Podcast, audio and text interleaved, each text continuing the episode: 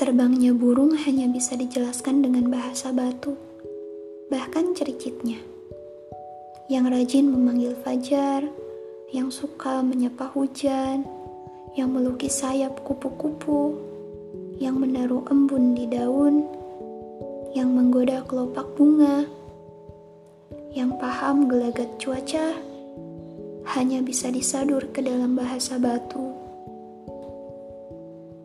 yang tak berkosakata dan tak bernahu.